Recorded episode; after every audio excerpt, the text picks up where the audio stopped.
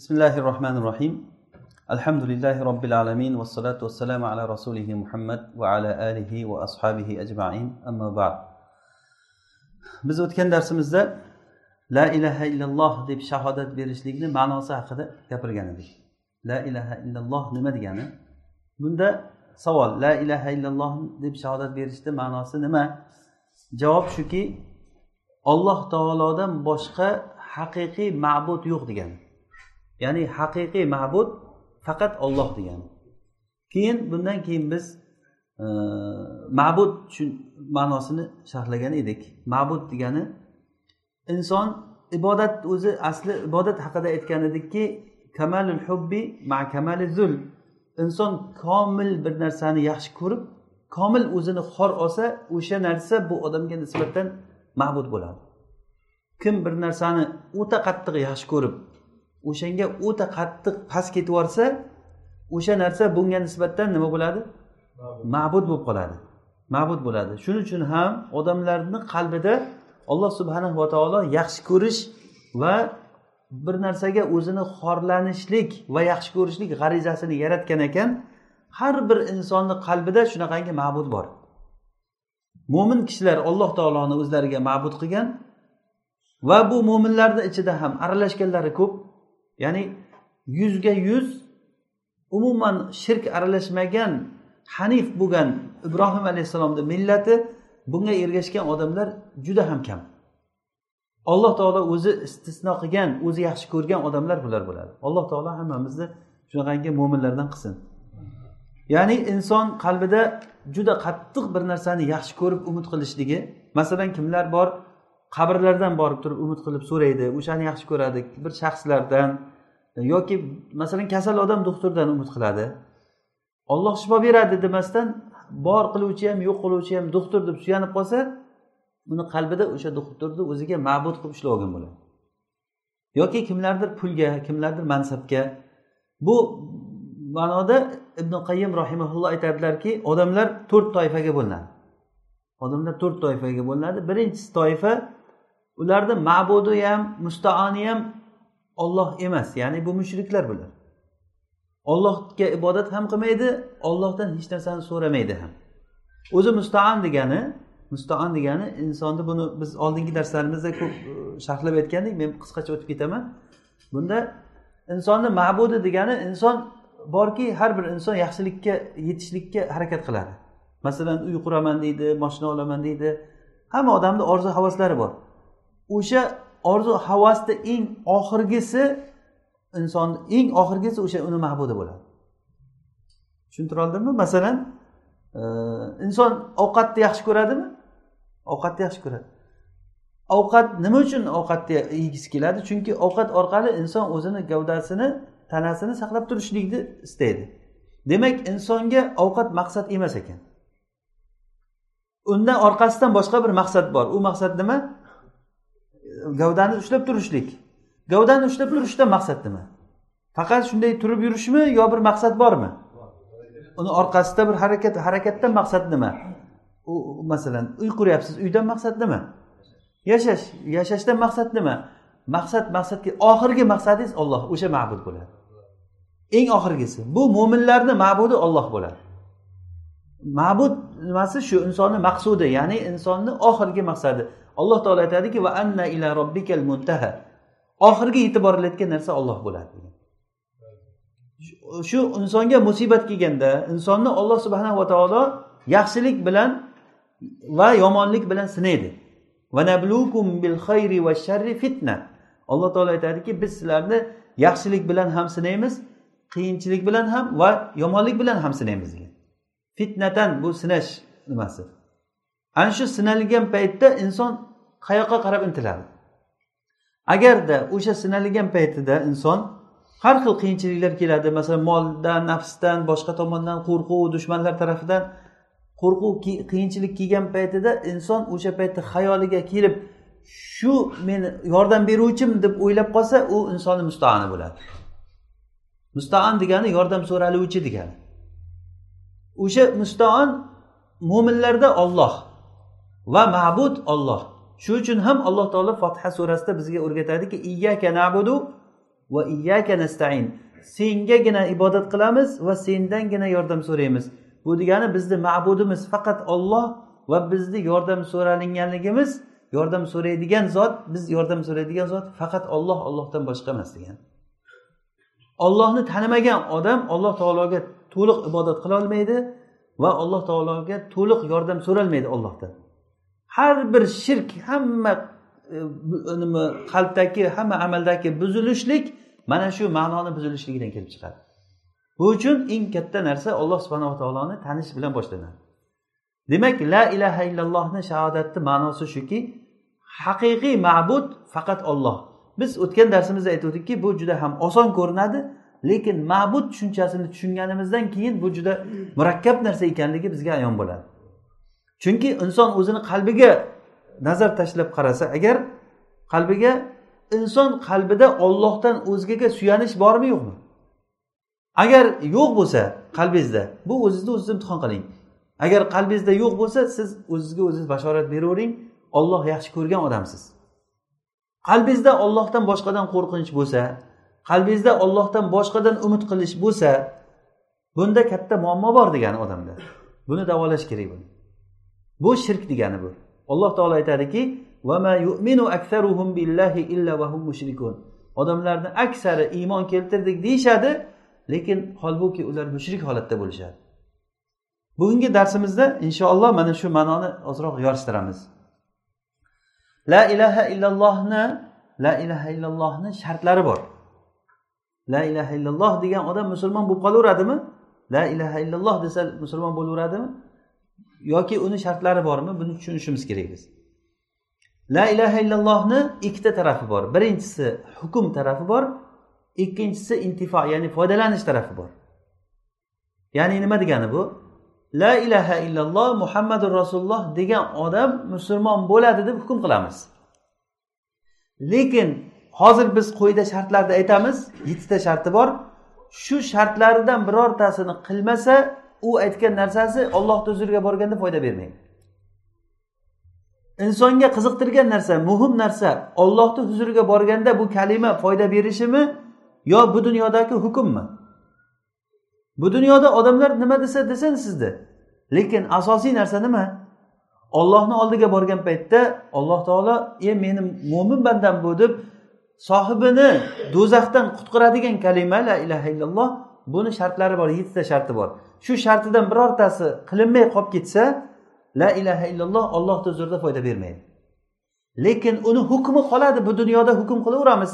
Munofiqlar kelib rasulullohni oldiga kelib la ilaha illalloh muhammadu rasululloh deyishdi. Rasululloh ularni mo'min deb musulmon deb hukm qildilar. Ular musulmonlarni ayollariga uylandi musulmonlar ularga janoza o'qidi kafanladi e, musulmonlar qabristoniga ko'mildi haqlariga duo qilindi. Vaholanki ular munofiq edi. Nima e'tibor bilan ularga bu ishlar qilindi? La ilaha illallohni hukmi e'tibori bilan. La ilaha illalloh muhammadu rasululloh degan odamni biz mo'min deb hukm qilamiz. Rasululloh sollallohu alayhi vasallam aytdilarki umirtu an uqatilan nas hatta yashhadu an la ilaha illalloh va anna muhammadan rasululloh. Men odamlarga qarshi urush qilishlikka buyurilindim hatto ular la ilaha illalloh muhammadu rasululloh deb shahodat aytgunlaricha agar shu kalimani aytsalar ular mendan o'zlarini qutqarib qoladi. Bu nima bu? Hukmmi? La ilaha illallohni hukmi mana shu. Endi bu aytgan kalimalari ollohni huzurida foyda beradimi yo'qmi? Masala shunda. Masalan hozir pulni oling pulni. Bu pulni pul deb hukm qilaylik. Biz hozir mana shu kelishaylik. Hammamiz bitta qog'ozni yasaymizda mana ming deb raqam qo'yaman men. Mana shu ming deb e'tibor qilamiz deb kelishdik hammamiz. Hukm qildik shu pulni pul deb hukm chiqardik. Lekin tashqariga olib chiqqaningizda odamlarga bersangiz ular olmasa bu foydasi bo'lmasa buni nima keragi bor buni? Foyda tomoni bo'lmagandan keyin. La ilaha illallohni ham hukmi bor va bo'pti la ilaha illalloh debdi ekan deyiladi bu dunyoda. Lekin u oxiratga borganda foyda bermaydi. Oh, asosiy narsa ana shu shartlarni bilishligimiz kerak. Agar bittasi bo'lmay qolsa ham u foyda bermaydi. Mana shu shartlardan birinchisi yettita sharti bor dedik. Ha yozuvchilarga. Yettita sharti bor. Birinchisi la ilaha illallohni ma'nosini nafiy va isbot jihatidan bilish degani. Ya'ni nafiy isbot jihati degani nima degani? La ilaha degani nima degani? Ma'bud yo'q degani. Hech qanaqangi ma'bud mustaon insonga maqsad bo'lgan inson uni umid qiladigan va undan yordam so'raydigan e, hech bir narsa yo'q. Illalloh faqat olloh bor degan mana shu narsani bilishlik kerak birinchi o'rinda. Men hozir e, yozish uchun bir aytib chiqaman keyin sharhlaymiz inshaalloh. Birinchisi la ilaha illallohni ma'nosini puxta bilish. Ikkinchisi qalb mana shu la ilaha illallohga to'liq ishonish ishonish. Buni arab tilida yaqin deyiladi. Uchinchisi inson ichki va tashqi holatida la ilaha illallohga ergashishligi. Ichidan va tashqi tomonidan la ilaha illallohga ergashishligi to'rtinchisi uni qabul qilishligi la ilaha illallohni va la ilaha illallohdan kelib chiqqan hech bir narsani inson inkor qilmaslik kerak. Birorta narsani inkor qilmaslik kerak. Buni inshaalloh batafsil sharhlaymiz beshinchisi unda ixlos qilishligi. Hech qanaqangi boshqa bir maqsad yo'q. Faqat la ilaha illallohda xolis qalbi bilan alloh taologa bog'lanishligi.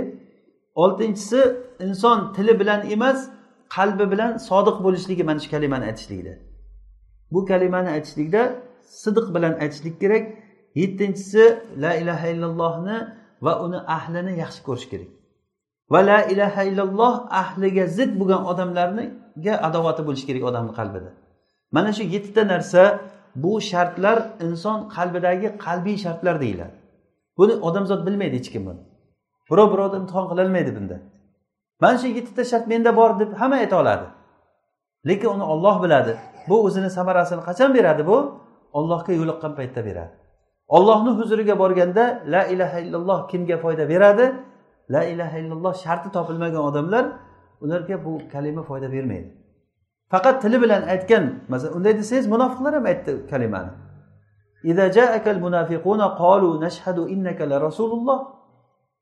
Munofiqlar sizni oldingizga kelib aytishadiki biz guvohlik beramiz siz ollohni rasulisiz deyishadi.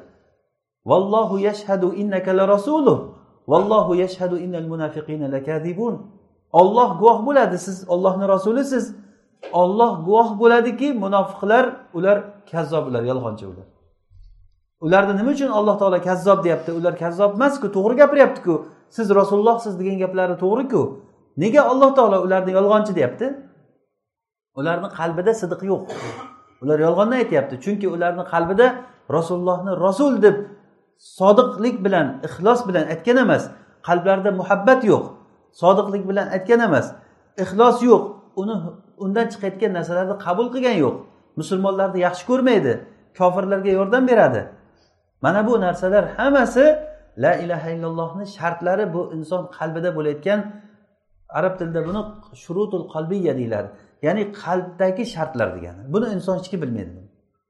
Buni faqat buni aytamiz aytamiz kimga agar najot topishlik muhim bo'lsa uni o'zini ichida bu narsalarni o'sha foydalanaman degan odam buni e, ishlab chiqadi. Hukmga kelganda u narsa bilan hech kim hukm qilolmaydi mana shu odam qalbida sodiq emas deb hech kim aytolmaydi mana shu odam qalbida ixlos yo'q. Mana shu odam unaqa mana shu odam bunaqa mana shu la illaha illallohni shartlari topilmayapti deb aytishlik qiyin bir kishiga. Bu shartlar inson qalbidagi shartlar. Buni olloh biladi. Agar bu shartlar to'liq topilsa bu foyda beradi. Agar to'liq topilmasa foyda bermaydi. Mana shu shartlardan birinchisi demak yettita shartni hozir aytgan bo'ldik. Bulardan birinchisi la ilaha illallohni bilishlik. Alloh taolo aytadiki falam annahu la ilaha illalloh. La ilaha illallohni bilgin deb alloh taolo buyuryapti. La ilaha ollohdan boshqa ma'bud yo'qligini bilgin. Hozir bizdagi eng katta muammolardan biri ilm yo'qligi. Iymonlar taqlidiy iymonga aylanib qolgan. Iymon taqlidiy iymonga aylanib qolgan. Ota bobolarimizdan islomni meros oldik va o'zi musulmon bo'ldik. Nima uchun musulmon bo'ldik? O'zi musulmon degani kim? La ilaha illalloh o'zi nima? Buni ma'nosini bilmaymiz. Mana shu uchun u o'zini samarasini bermaydi. Agar musulmonlar qachonki musulmonlar kofirlarga mag'lub bo'lsa musulmonlar bu arabcha she'rni tarjima qilib ma'nosini aytyapman. Agar qachon musulmonlarga kofirlar g'olib bo'lib musulmonlar mag'lub bo'lsa siz hech qachon aytmangki musulmonlar mag'lub bo'ldi demang chunki muhammad sallallohu alayhi vasallamni ummati mag'lub bo'lmaydi. Muhammad sallallohu alayhi vasallamni ummati mag'lub bo'lmaydi hech qachon. Qachonki siz agar mag'lub bo'lganligini ko'rsangiz bilingki ular islomini ota bobosidan meros olgan musulmonlar ular. Ular haqiqiy ummat emas ular. Qachonki agar siz sichqon sher bilan o'ynashayotganligini ko'rsangiz bilingki u sher emas u sherni haykali u. Agar ichida joni bor bo'lgan sher bo'lsa qulog'idan kirib orqasidan chiqib sichqon uni ichida aylanib yurmaydi hech qachon? Sher uni yeb qo'yadi. Musulmonlarni holati ham xuddi mana shunday. Ya'ni la ilaha illallohni ma'nosini biz o'zi kimligimizni olloh subhanahu va taologa mo'min bo'lgandan keyin la ilaha illallohni ma'nosini bilmaslik bu juda katta katta muammolarni keltirib chiqaradi. Insondagi qo'rquv insondagi tamagirlik insondagi o'sha hamma yomon hislatlarni sababi la ilaha illallohni inson bilmaganligi. Ma'bud olloh beruvchi olloh oluvchi olloh rasululloh sollallohu alayhi vasallam xuddi shu ma'noni yosh sahobalarga o'rgatganlar. Yosh yosh sahobalarga. Rasulullohni madrasasidan shunaqangi e, toliblar chiqdi. Rasulullohga yaqin bo'lgan odamlarda alloh taologa bog'lanish juda qattiq bo'lgan. Aytban ibn aytban ibn g'ozvan degan sahobiy u kishi e, nimada? Makkada e, yetti kishini bittasi bo'lgan. Kuntu sabia sabatin deydilar yetti kishini bittasi edim men makkada degan. Ya'ni yettita odam musulmon bo'lsa bittasi men edim degan. Ya'ni oldin e, islomga kelgan odamlardan ular shu kishini haqida juda ko'p e, nimalarda aytilingan. Oxiri basrada amir bo'lgan u kishi. Basrada amir bo'lgan paytlarida bir kuni xutbaga chiqib yig'lab gapirgan ekanlar. Bir paytlar men rasulullohni oldilarida yettita kishini bittasi edim. Hattoki yeyishga nonimiz bo'lmaganligidan o'tlarni yeridikda og'izlarimiz yara bo'lib ketardi degan. Og'izlarimiz yara vallohi lekin o'sha rasulullohni yonida yurib o'sha holatimiz hozirgi kundan ko'ra yaxshi edi degan.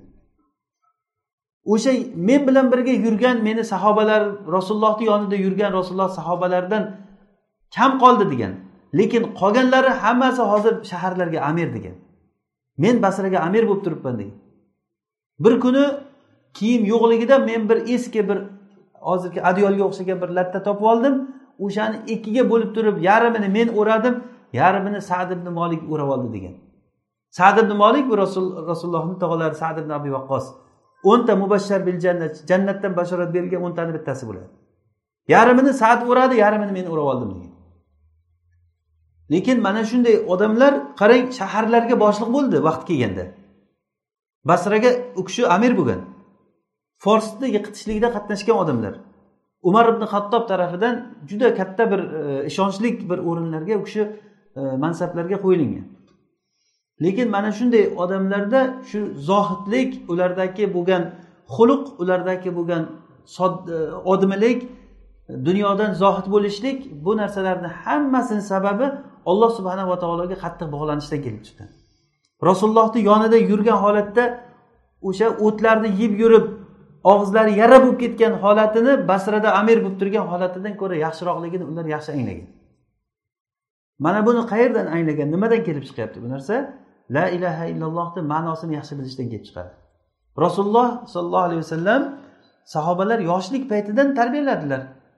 Masalan ya g'ulam hadisini mana hammamiz yodlaganmiz hadisni men senga shunday kalimalarni o'rgataman sen men senga kalimalarni o'rgataman. Ollohni sen rioya qilgin olloh senga rioya qiladi degan.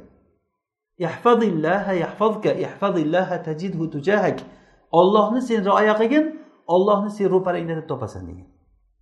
Bilginki agar ummat jamlansa ham senga bir foyda keltiraman deb olloh xohlagan foydani keltiradi. Agar ummat zarar beraman deb jamlansa olloh xohlagan zararni beradi deb o'rgatganlar. Ya'ni hadis e, uzun hadis. Ya'ni faqat olloh deb o'rgatgan. Hozirgi kundagi din dushmanlari bizni bolalarimizga uni aksini o'rgatyapti. Foyda beruvchi zarar beruvchi narsalar mana multfilmlardan ko'ring multfilmlarda nima foyda nima zararligini multfilmlarda o'rgatadi. Hatto o'yinlari ham. O'yinlarda haligi otadigani otib otib otib ketavergan paytida oldidan krislar qo'yilgan o'shanga krisga borgandan jon oladi krisga borgandan keyin jon bu nima uchun kris qo'yilgan? Keyin hayotda krisni ko'rib krisga sig'inish paytida demak bundan insonga bir ruhiy jon beradi degan e'tiqod qalbga shunday muhrlanadi birdan uni chiqarilmaydi hech qachon. Uni qo'parib chiqarib tashlash xuddiki mana shu temirni temirga naqsh bilan nima qilsa eritib uni qilish mumkin lekin qalbda o'rnab qolgan shirkni o'rnatib tashlash juda qiyin narsa. Alloh subhanava taolo munofiqlar haqida aytgan paytda min ahlil madinati maradu ala nifaq deb madina ahlidan nifoqda soqol mo'ylovi chiqqanlari bor deb aytgan. Maradu degani soqol mo'ylovi nifoqda chiqqan. Ya'ni bu nima degani? O'zi soqol mo'ylovi o'sadigan o'sib chiqadigan bola mana o'n yetti yosh o'n sakkiz yosh bolalarda masalan bu yoshdagi bolalarda munofiqni topish qiyin. Ya'ni ularda jasorat yosh bolalarda fitrat toza bo'ladi. Qo'rquv yo'q bo'ladi. U munofiqlar o'sha yoshda ham munofiq bo'lgandi deb aytyapti alloh taolo. Ya'ni munofiq u katta bo'lgan degani. Vala yalidu illa fajiron kaffaro deb nuh alayhissalom aytganlari kabi ulardan tug'iladigan farzandlari faqat fojir kofirlar tug'iladi ulardan degan. Nuh alayhissalomni qavmidan ya'ni. Bitta yangi bola tug'ilsa u endi esiga esini tanigan paytda nuh alayhissalomni oldiga olib kelar ekan. Otasi bolasini. Duosini olishga emas tanishtirishlik uchun. O'g'lim tanib qo'ygin mana bu aynigan nuh degan odam shu. Shunga gapiga kirib qo'ymagin deb tanishtirib qo'yar ekan. Nuh alayhissalom shuning uchun ham duolarida aytdilar vala yalidu illa fajirun kaffaro deb. Ularni tug'ilgan bolalari ham shunaqa fojir kofirlar tug'ilyapti degan. Shu darajagacha borgan. Ya'ni farzandlarga juda katta bu narsani ta'limi muhim narsa. Mana shu multfilmlarga e'tibor bering. Hammasida demasak illo bir istisnolar bo'lmasa aksarida shu shirk bolaga singdiriladi. Osmondan bir gumburtib bir narsa chiqadi chaqmoq chaqiladi. Yo bir bir ruhlar bir narsalar ko'rinadi otasi o'lib ketgan bo'lsa bulutlar ochilib turib osmondan ko'riladi. Qiynalib shunday tirilgan paytda butun muzikalar bilan olib kelib ana o'ldi ana o'ldi deb turgan paytda shunday bir osmondan bir nazar bo'ladida u shunday qutulib ketadi. Haligi shunday yuragi yorishib ketadi haligi bolani. Qutulsin deb o'tirgan paytda ana bu shirk shunday qalbga o'rnashadi qoladi quyilib. Bu la ilaha illallohni ilmiga zid narsa jaholat bu. Bu yosh bolalarimiz emas biz mana shunday bir e, sovet tuzumidagi bir tarbiyani ko'rgan odamlar tarbiyani ko'rgan odamlar. Alhamdulillah biz shirk muhitda yashamadik. Shirk muhitlar o'sha darvinizm nimalarda umuman xudosizlik nimasi ta'limi bo'lgani bilan unchalik e, nima bo'lmadi. Lekin biz qarovsiz qolgan bir jamiyatda yashadik. Qarov la ilaha illallohni ilmi bo'lmagan bir jamiyatda yashasak bo'ladi. Shuning uchun hozir biz mana shu narsa biz katta bir e, mas'uliyatimiz farzandlarga la ilaha illallohni o'rgatish kerak. Yoshligidan o'rgatish kerakki ma'bud olloh so'rasang ollohdan so'ra ollohdan qo'rq ollohdan umid qil olloh hamma narsaga olloh ko'rsatayotgan narsalarni bolalarga ko'rib ko'rsatish kerak nima ko'ryapti ular? Mana bu narsa muhim. La ilaha illallohni ilmi. Ikkinchisi ikkinchi sharti la ilaha illallohga yaqin ya'ni qalb to'liq ishonishligi ko'pchilik odamlar bilgan bilan lekin qalbida yaqin yo'q. O'zi yaqin degani arab tilida yaqin degani nima degani? Yaqinal mau deb aytadi. Suv tinisa suv loyqa bo'lib yotgan paytda ichidagi narsa ko'rinmaydi.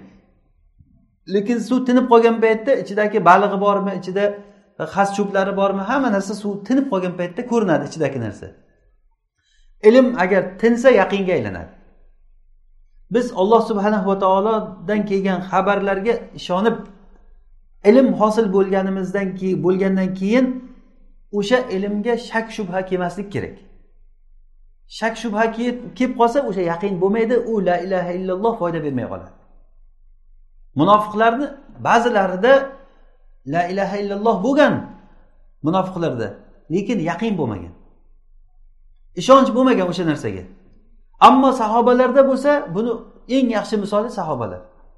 Rasulullohni yonida yurgan sahobalarda to'liq ishonch bo'lgan. To'liq ishonch bo'lgan. Hattoki sahobalar masalan e, suroqat ibn malik rasulullohni orqasidan tushgan. Rasulullohni o'ldiraman ushlab beraman makka mushriklariga deb rasulullohni orqasidan tushgan suroqa keyin rasululloh bilan uchrashib suhbat bo'lgandan keyin rasululloh aytganlarki sen kisroni bilak uzugi seni qo'lingda bo'lishligiga nima deysan? Bu hadisni sanadida zaiflik bor lekin bir iste'nos uchun aytamiz. Shunda kisrobni hurmizda aytyapsizmi degan. Xuddi hozirgi ubamani aytyapsizmi deganday bo'ladi xuddi shuni aytyapman deganlarida ana shuni o'ziga bilak uzugi seni qo'lingga kelib tushadi bir kun degan. Umar roziyallohu anhuni xilofat paytida fors fath bo'lib turib olib kelinganda o'shanga rasulullohni va'da qilgan narsasini umar bergan. Ya'ni bularda to'liq ishonch bo'lgan. Sahobalarda rasulullohni aytgan xabarlariga rasulullohni bergan va'dalariga to'liq ishonch bo'lgan. Bizda mana shu ishonch rasulullohni bergan va'dalariga ishonch yo'qligi uchun ham hayotimiz mana shunaqangi hayot.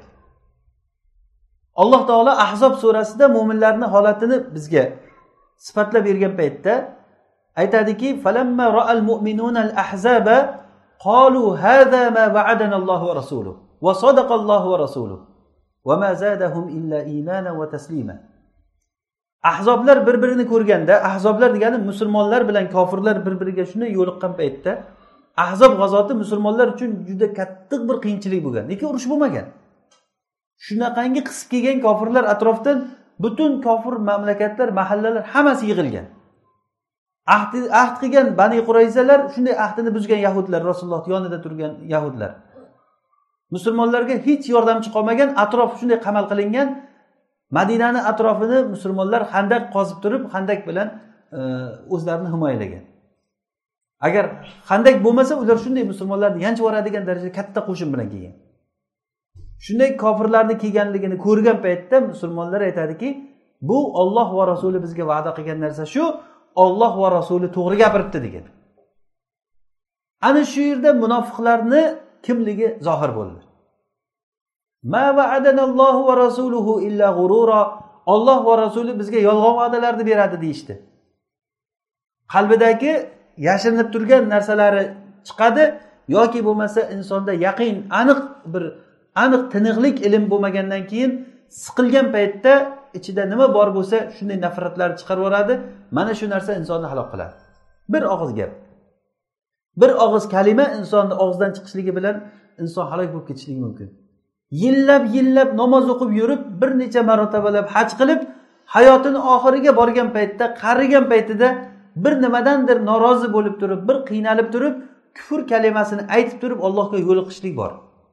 Olloh asrasin. Bu uchun biz hozirdan shu narsaga tayyorgarlik ko'rish kerak. La ilaha illalloh bizda shunchalik bir mustahkam bir ishonch bilan quyilib qolishi kerak. Rasululloh sollallohu alayhi vasallam abu zarga aytganlar abu zarni olloh rahm qilsin bir o'zi yashaydi bir o'zi yashab bir o'zi o'ladi qiyomat kunida bir o'zi turadi deganlar. Bir o'zi tiriltiriladi deganlar. Ya'ni yolg'iz holatda o'ladi deb. Xuddi rasululloh aytganlaridek u kishi usmon ibn affonni davrlarida robza degan joyga u kishini o'sha chekkaroqda yashang deb turib usmon roziyallohu anhu nasihat berganlar u kishi chiqib ketgan. Vafot etgan paytda yolg'iz o'zi bitta xizmatchi yigit bo'lgan o'zlari vafot etgan. Hatto ko'mishga odam bo'lmagan. Ko'mishga odam bo'lmagan. Shunda xizmatchisiga aytgan ekanki agar men dunyodan o'tayotgan bo'lsam meni kafanlab yuvib kafanlaganda karvonlar o'tayotgan yo'lga olib chiqib qo'ygin meni. Karvon kelgan paytda aytginki mana bu rasulullohni sahobiysi abu zar bo'ladi. Shuni ko'mishga yordam beringlar deb aytgin deganlar. Vafot etganlaridan keyin xizmatchisi u kishini yuvib kafanlab yo'lga olib chiqib qo'ygan. Shomdan kelayotgan karvon hatto o'sha yerga kelganda tuyalar qorong'uda jasadni bosib yuborishligi oz qolgan. Shunchalik yaqin kelib qolgan. Keyin haligi g'ulomi xizmatchisi bu rasulullohni sahobiysi abu zarni e, jasadi bo'ladi. Shuni ko'mishga yordam beringlar deganda karvonni ichida ibn masud bor ekan. Ibn masud shunda la ilaha illalloh deb rasululloh to'g'ri gapirgan ekan deb baqirib yig'lab yuborgan ekan. Nimaga to'g'ri gapirgan deyapsiz deganda abu zar yolg'iz yashaydi yolg'iz o'ladi degandilar mana ko'rdim deganlar. Rasulullohni va'dalari shunday aytganlaridek chiqqan. Ollohni va'dasi shunday aytilingandek chiqadi. Bu narsaga faqat bizda ishonch bo'lishi kerak. Masalan eng katta musulmonlarni sinalingan joyi ahzob g'azoti bilan tabuk g'azoti bo'ladi ikkalasida ham urush bo'lmagan. Lekin munofiqlar shunday ajralib qolgan. Xuddiki sutni qaymog'i ajralganday ajralgan. Sutdan qaymoq qachon ajraladi? Qachon sutni qo'zg'ash kerak? Ana shu qo'zg'alingan paytda harakatga tushgan paytda munofiq bilan mo'min ajraladi. O'sha tabuk g'azotida munofiqlar chiqib qolgan qalbida munofiqi borligi nifoqi bor bo'lgan odamlar musulmonlarni yomon ko'rib yurgan qalbida bir narsalari bor bo'lgan odamlar hammasi kelib turib rasulullohga uzrlarini aytgan. Bu mana tavba surasida alloh taolo ularni sifatlarini bizga bayon qilib bergan. Ulardan ba'zilari mana shunaqa deydi ba'zilari mana shunaqa deydi. Hozirgi kunda so'zma so'z shuni aytayotgan odamlar bor. Olloh va rasuli deb olloh va rasuli haqida yomon gapni gapirayotgan odamlar bor. La ilaha illallohga bo'lgan ilm la ilaha illallohga bo'lgan ishonch yaqin agar bo'lmasa bu la ilaha illalloh foyda bermaydi. Ya'ni xulosa qilganda yaqin degani nima degani? Qalbimizdan olloh va rasulini aytgan va'dalariga bizada ishonch bo'lishi kerak. Masalan alloh taolo qiyomat kunida bizga jannat va do'zaxni xabarlarini berdimi? Ko'zimizga ko'rinib turishi kerak shu narsa. Olloh o'lsak ollohga yo'liqamiz. Mana shuni bilish kerak odam. Mana shunday ishonch bo'lsa keyin amal chiqadi keyin u o'sha la illaha illalloh foyda beradi. Uchinchisi uchinchisi la ilaha illallohga inson ichki va tashqi holatidan komil ergashishligi. La ilaha illallohga to'liq ergashishligi. Mana shu inqiyot degani arab tilida xuddiki bir odam yetalab ketayotgan paytda orqasidan yurgandek. Nima chiqsa shunga ergashishlik kerak. La ilaha illalloh. Ma'bud ollohdan boshqa ma'bud yo'q bo'lgandan keyin. Buyuruvchi kim bo'lishi kerak? Olloh bo'lishi kerak. Qaytaruvchi olloh bo'lishlik kerak. Buyruq hukm hamma buyruqlar ollohniki bo'lishlik kerak. Mo'min kishilar mo'minman degan odamlar shu buyruqlarga ergashishlik kerak. Shayton ollohdan boshqa iloh yo'q ekanligini biladimi yo'qmi? Shayton. Aniq biladimi? Aniq biladi u ollohni huzurida edi o'zi zotan. Unda bor edi unda ilm bor edi unda yaqin bor edi. Lekin shayton nima bilan shayton bo'ldi? Ergashmadi. Alloh taolo bitta buyruq aytuvdi o'sha bitta buyrug'ini ham qilmadi. Bitta buyruq odam alayhissalomga sajda qilgin deganda shayton aytdi yo'q men o'zimdan past bo'lgan narsaga sajda qilmayman degan.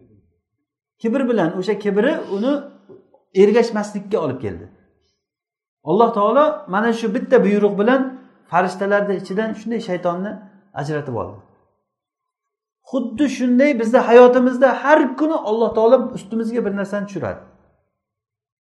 Kimdir qamaladi kimdir boshqa bo'ladi kimdir kasal bo'ladi. Fitna fitna fitna. O'lganimizcha bu narsa bo'ladi. Maqsad nima bu g'alvirlashlikdan maqsad? G'alvirlashdan maqsad insonlarni sodiq bilan kozibi ikkiga ajralishligi uchun. La ilaha illalloh o'zini foydasini ko'rsatishlik uchun ollohni o'zida demak uchinchi sharti inson ichki va tashqi holatida la ilaha illallohga ergashishlik kerak. To'rtinchisi uni qabul qilishlik kerak la ilaha illallohni. Hech narsani rad qilmaslik kerak. Bu rad qiluvchilarni eng kattalari hozirgi kundagi chiqqan mana bu ilmoniylar demokratlar bu olloh taoloni aytgan buyrug'ini har xil yo'llar bilan qabul qilmaslikni aytishadi.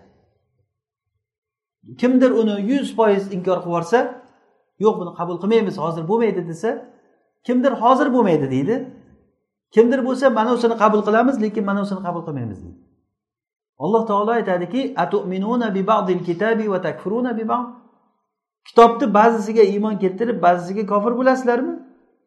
Bunday qilgan odamlarni jazosi ular shu dunyoda xorlikka uchraydi degan alloh taolo.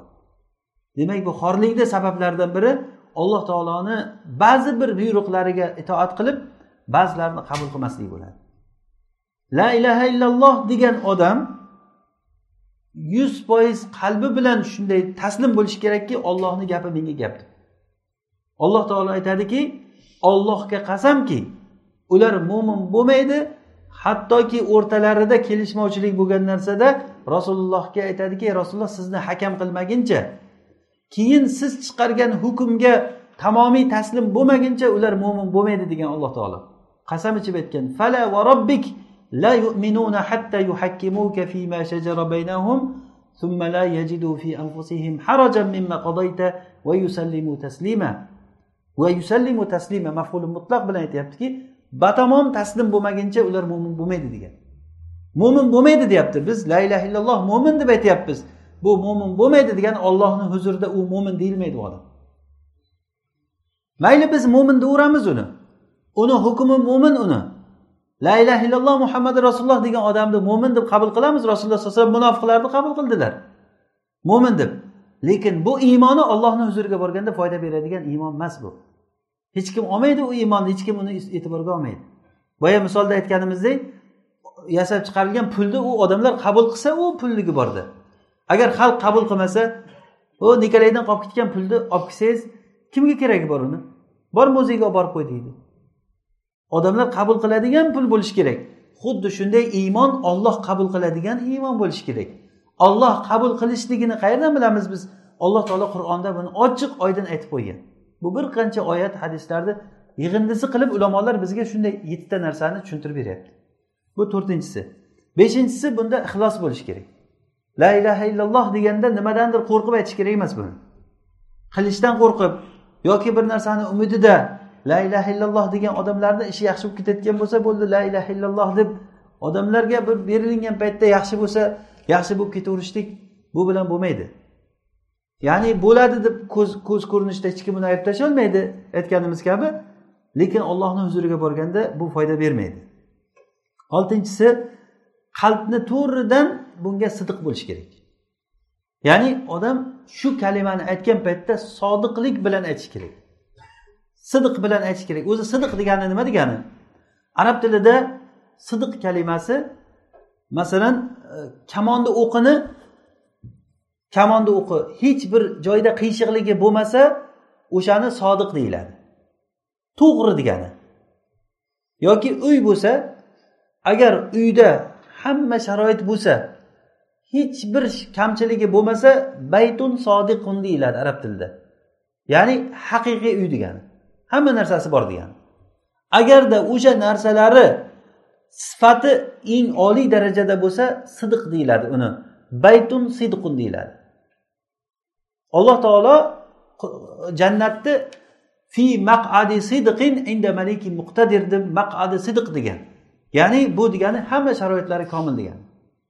Sodiq kishi degani sodiq kishi degani qilish kerak bo'lgan narsani yuzga yuz bajaruvchi odamni sodiq deyiladi bu gapi ham ishi ham qalbidagi niyati ham harakati hammasi shunday nuqtaga qaratilingan bo'ladi. Ana o'sha odam sodiq deyiladi ana shunda agar to'g'ri gapirsangiz agar ollohga qasam ichib aytsangiz ollohga qasam shunday bo'ladi desangiz o'sha narsa bo'ladi. Rasululloh aytganlari kabi buni biz ko'p aytganmiz bu misolni agar sen to'g'ri gapirsang alloh taolo seni tushuntirib beradi degan. Buni bir aytilishligi bir sahobiy kelib turib iymon keltirib rasulullohga men mo'min bo'ldim deb musulmonlarga yordam berib turib tuyalarini boqib xizmatlarini qilib turgan paytda g'azotdan g'animatlar tushgan rasululloh sollallohu alayhi vasallam g'animatlarni taqsimlab turib haligi yigitga ham berganlar. Shunda ular sheriklari olib borib berganda bu nima? deganda rasululloh senga taqsim qilib berdi buni. Seni bu haqqing ekan. Haligi narsalarni ko'tarib olib kelib rasulullohni oldiga kelib aytganki rasululloh bu nimasi bu? Bu seni haqqing senga tushdi shu o'ljalar deganda ey rasululloh men bu uchun iymon keltirmadim. Men o'q mana shu yerimga sanchilib olloh uchun shahid bo'lishlik uchun iymon keltirdim degan. Rasululloh aytdilarki agar sen sodiq bo'lsang alloh taolo sen aytganingni qilib beradi dedilar. Agar sen to'g'ri gapirayotgan bo'lsang haqiqiy sodiq bo'lsang alloh taolo aytganingni qilib beradi degan ozroqdan keyin bir jang boshlangan jangda u odam shahid bo'lgan rasulullohni oldiga ko'tarib olib kelishdi qo'lini qo'ygan joyiga o'q sanchilgan ekan rasululloh ko'rib turib aytganlar ahuva huva dedilar shumi o'sha odam deganlar xuddi shu ey rasululloh deyishgan shunda rasululloh sollallohu alayhi vasallam unga haqqiga duo qildilar olloh uchun sodiq turib berganda alloh taolo turib berdi olloh uchun sahobalar turib beruvdi alloh taolo turib berdi. Boya aytbandi hadisda aytganimiz kabi u kishi bir paytlari daraxtni barglarini chaynab yurgan paytlarimizda deb eslayapti. Og'izlarimiz yara bo'lib ketardi deb hozir har birimiz shaharlarga amirmiz degan. Butun dunyoni mol mulki ularni oyog'ini tagiga kelib tushgan. Agar olloh uchun turib bersa odam alloh taolo u odam uchun turib beradi. La ilaha illallohni aytishlikda inson sidq bilan aytish kerak ekan. Bunda hech qanday aldam qaldam bo'lmaydi. Kim aldasa ahmoq qilsa o'zini o'zi ahmoq qiladi. Illa man safiha nafsa. Alloh taolo aytadiki ibrohima illa man safiha nafsa. Ibrohimni millatidan o'zini o'zi ahmoq qilgan odam yuz o'giradi degan. Odam kimni ahmoq qiladi? O'zini o'zi ahmoq qiladi. Odamlarni ahmoq qilib turib men mo'minman men taqvomga to'g'ri kelmaydi meni taqvom meni ibodatlarim deyaversangiz odamlarga nima farqi bor? Ha bu taqvoli ekanda deb o'ylaydi odamlar. Yaxshi ekan deb o'ylaydi. Lekin muhimi ollohni huzuridagi sizni obro'yingiz obro'y. Taroziga tortilingan paytda ollohni huzurida tosh qanday bosadi? Bir kishini qiyomat kunida olib kelib semiz bo'lgan baquvvat odamni olib kelib taroziga qo'yilganda pashshachalik ham tarozini bosolmaydi degan rasululloh sallallohu alayhi vasallam. Ibn masudni bir kuni irok daraxtini ustiga chiqib e, daraxtdan misva qilinadigan cho'plarni kesib turgan paytda shamol bo'lgan paytda oyoqlari qiltirab ketgan oyog'i juda ingichka kishi bo'lgan ekan ibn masud abdulloh ibn masud. Sahobalar kulgan ekan shunday oyog'iga u kishini. Shunda rasululloh aytdilarki bu oyoq ibn masudni oyog'i ollohni huzurida uhud tog'idan ko'ra og'ir dedilar. Mana bunday bir tarozda tosh bosadigan odamlar bo'lgan. Nima bilan? La ilaha illallohda sodiqligi bilan. Ollohni huzurida bir tiyinga qimmat bo'lib tursa bu dunyoda odamlar e siz falon deysiz siz falon deysiz sizday odam yo'q sizday ilmli odam yo'q siz undaysiz siz bundaysiz desa odam rostdan ham shunday ekanman deb odamlar hatto shu darajagacha borib qoladiki keyin odamlar maqtamasa xafa bo'ladigan bo'lib qoladi. O'rganib qoladi. Inson tabiati xuddi yosh bolani xuddi onasini ko'kragiga o'rganganday odam mana shunaqangi manmansirashga maqtanchoqlikka o'rganib qoladi. Biz ko'zimizni sal ochishimiz kerak hozir. Bu dunyo o'tadi ketadi. Lekin ollohni oldiga borganda bu aytgan kalimamiz foyda beradimi yo'qmi shunda gap. Rasululloh sollallohu alayhi vasallam aytganlarki kimki agar la ilaha illalloh deb agar qalbidan sodiqlik bilan haqiqiy iymon yaqin bilan shuni aytsa jannatga kiradi deganlar. Demak gap nimada? O'shani sidiq bilan aytishlikda. Oxirgisi e, la ilaha illalloh degan kishi la ilaha illalloh ahlini yaxshi ko'rishlik kerak. La ilaha illalloh degan mo'minlarga yaxshi munosabatda bo'lishligi buni dushmanlariga dushman bo'lishligi. Mana bu la ilaha illallohni shartlaridan. Kimki kalimada la ilaha illalloh muhammad rasululloh degan bilan mo'minlarni yomon ko'rsa kofirlarni yaxshi ko'rsa kofirlarga yordam bersa mo'minlarni ziddiga bu odam ollohni huzurida bu aytgan kalimasi foyda bermaydi. Biz hozir aytgan narsalarimiz yettita shartimiz bu tezlik bilan o'tib ketdik. O'zi har biri uchun bir bir to'xtash kerak bo'lgan mavzular. Bu narsa juda muhim biz uchun. Yana takror aytamizki bu shartlar la ilaha illallohni qanaqa shartlari bular qalbiy shartlar qalbda bo'ladi. Bu har bir odamni o'zidagi shartlar. Buni hech kim bilmaydi uni. Hech kim bir birini imtihon qilolmaydi bunda. Faqat buni bilib o'zizni o'ziz imtihon qiling. Mana shu narsalar bo'lsa la ilaha illalloh siz uchun foyda beradi. Yana takror aytaman la ilaha illallohni ikkita tarafi bor. Hukm tarafi bor va yana nima tarafi bor? Ikkinchisi foydalanish tarafi bor. Bizga qaysisi muhim? Foyda berishligi muhim. Ollohni huzuriga borganda bu kalima bizni do'zaxdan qutqarishi kerak. Bu kalima jannatga kirgizishi kerak sohibini. Ana u uchun mana shu yettita shart mukammal bir biriga qo'shishlik kerak. Birinchisi la ilaha illallohni yaxshi bilish. Ikkinchisi yaqin bu narsaga aniq ishonchda bo'lishlik. Uchinchisi odam ichi va tashqi bilan uch narsaga qabul qilishligi ergashishligi va undan biror bir narsani rad qilmasligi va ixlos va sidiq sidiq va oxirgisi la ilaha illalloh ahlini yaxshi ko'rishligi va la ilaha illalloh ahliga dushmanlarni o'ziga dushman tutishligi. Bu suhbatimizni inshaalloh davomi bor. Alloh subhanava taolo bu darslarimizni manfaatli qilsin. o'ladigan paytimizda la ilaha illalloh kalimasini aytib o'lishlikni o'zi nasib qilsin alloh subhanava taologa yo'liqqan paytimizda mana shu aytgan kalimamiz inshaalloh bizga foyda bo'ladigan bo'lsin سبحانك اللهم وبحمدك نشهد ان لا اله الا انت نستغفرك ونتوب اليك صل اللهم وبارك على عبدك ونبيك محمد عليه الصلاه والسلام